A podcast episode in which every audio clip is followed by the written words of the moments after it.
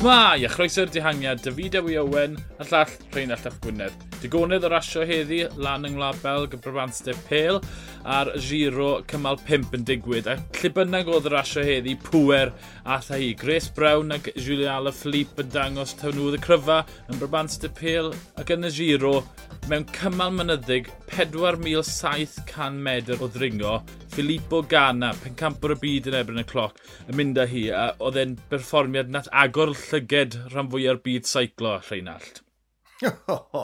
oedd hwnna yn berfformiad a hanner. A hefyd, o gofio mae ar y llethrau cynnar gweithio ar ran pwtio oedd e.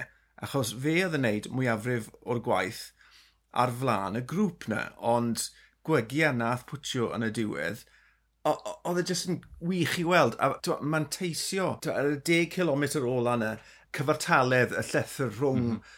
wech a saith yr holl ffordd lan. Yeah. Felly oedd e gallu cadw'r pŵer na i fynd hyfryd i weld bod e'n blodeio fel beiciwr uh, i'r unweddau cuddiedig falle yn dod i'r golwg ar y lefel ucha. E, oedd e'n hyfryd i weld.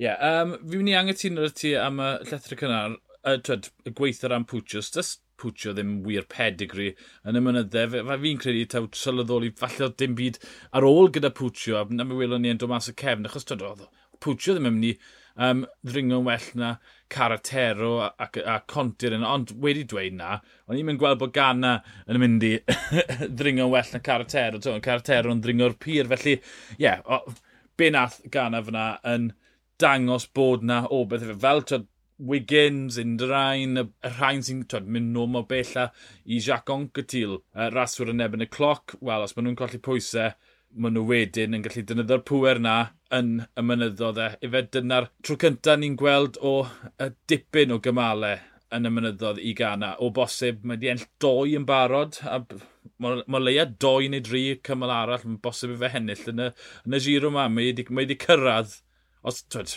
os, os ti'n gweud am pencampwr y byd yn emryd cloc, mae wedi cyrraedd i'r lefel nesaf yn y giro heddi. O, oh, heb dod. A, ti'n bod, yr arwydd o'n i'n meddwl cyn, cyn i'r os dechrau, ba, ennill pencampwriaeth y byd a wedyn ni ennill cymal un, o ti jyst yn meddwl, reit, mae fe ar dan yn erbyn y cloc a mae yna gyfle dy fe i ennill um, y tair cymal yn erbyn y cloc, ond mae hwn yn agoriad llygad. mae hwn nawr yn gweud, o na, mae fe jyst ar dan byth bynnag fel beiciwr, felly mae'r ma, ma, ma, ma, ma, ma, ma cyfleon na ar blat iddo fe a, a pwy a wyr beth allai ei gyflawni o hyn mlaen. Mae'n mae, mae, mae senario ddiddorol dros ben. Ie, yeah, a jyst gwybod, ymwneud i chydig mwy o fanylder. Caratero'n ceisio ymosod e, ond, ond wyn gan yn gwrthod ymateb, jyst cadw'r un cyflymder. Felly, fel wedys i, reit ar top o'r raglen, um, ti'n gweud bod 6-7% yn nath e jyst cadw'r pwer o'r, or gweilod i'r copa. Felly, a wedyn dath dychent a rwbio land fe, tyd y dringwr ifanc rwbio, ti'n meddwl, wel, maen nhw wedi gwneud rhywbeth, ond o'n nhw wedi bod yn gweithio hyn a hyn yn ddyfnach na Ghana, yr holl ffordd lan y ddringfa, felly tyd, erbyn cyrraedd gana, oedd, oedd dychent a rwbio wedi blino, felly does dim lot o syndod yn edrych nôl, ond pan oedd e'n digwydd, oedd e'n rhywbeth special iawn.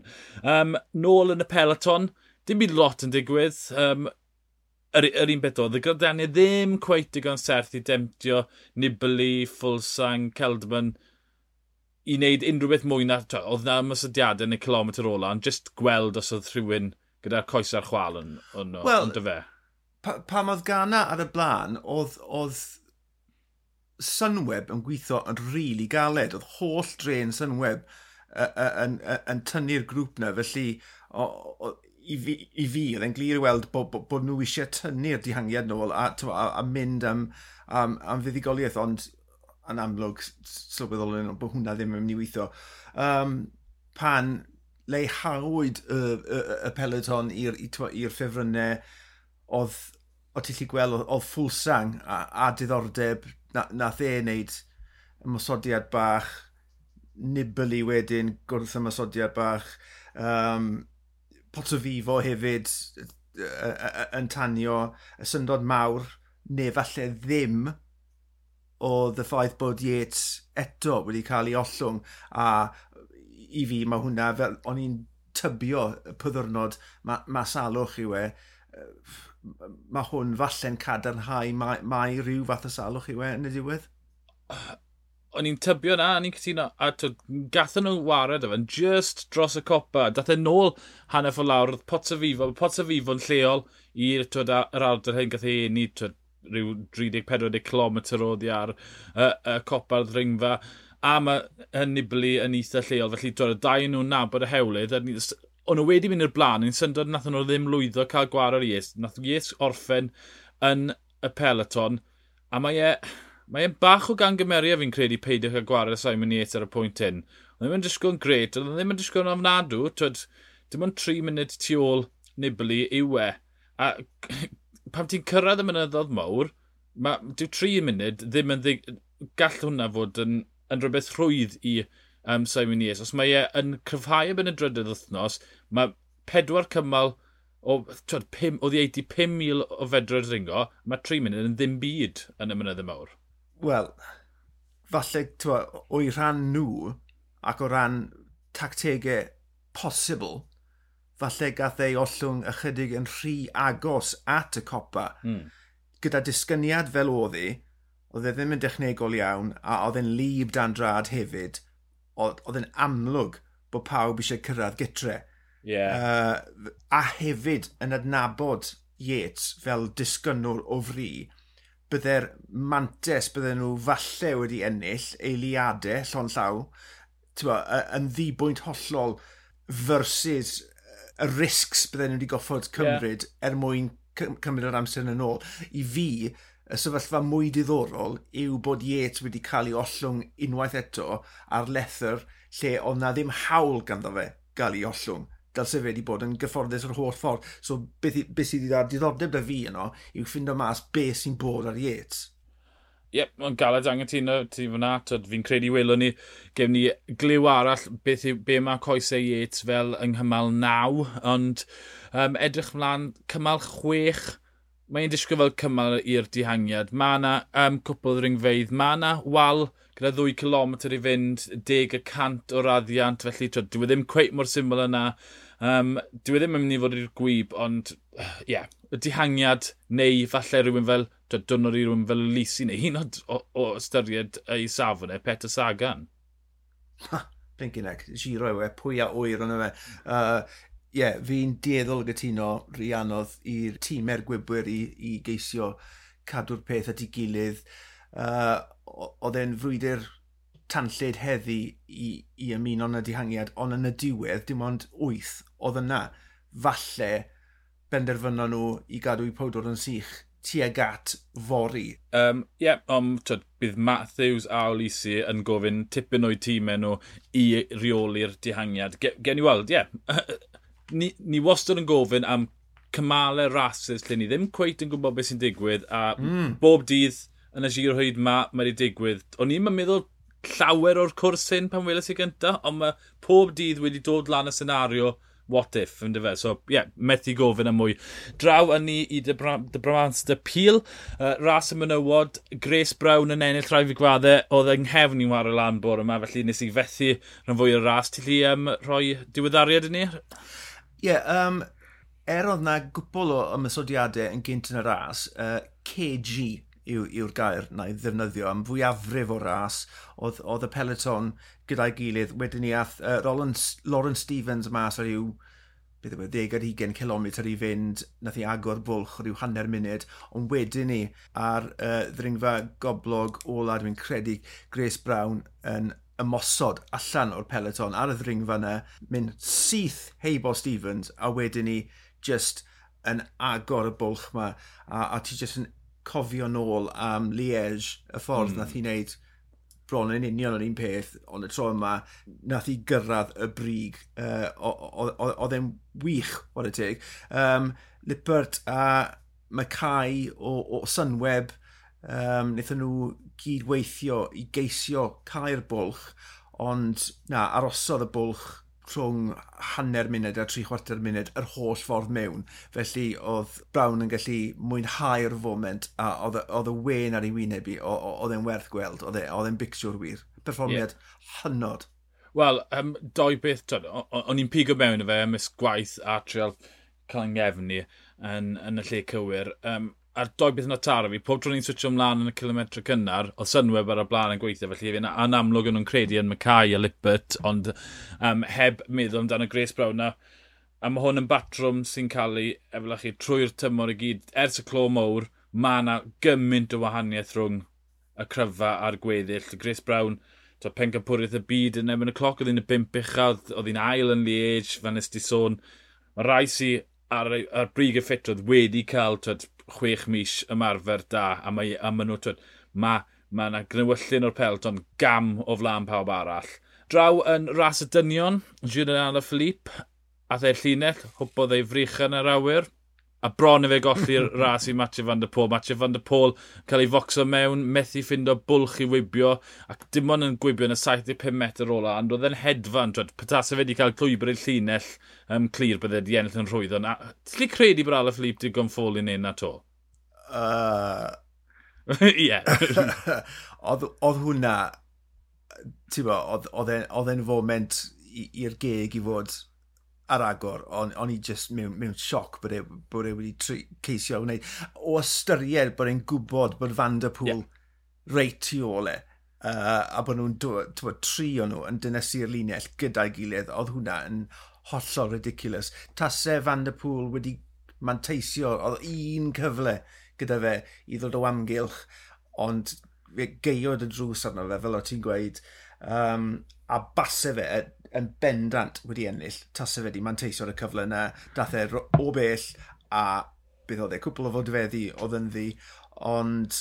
Fan y Pôl, fi'n credu bod yn sylweddoli bod yna bod yna deitle mwy ennill. Mae di ennill y brobans y pil o'r blaen a be, be wedodd y thysdwetha yn Liege, oedd e'n teimlo bod y coesau gorau eriod dy fe. Felly fi'n credu bod e'n cadw popeth nôl ar gyfer, twed, ar gyfer Flandres rhywbeth os mae'n digwydd. Fel, twed, dwi e ddim yn mynd i risgo anaf fan hyn cael damwen.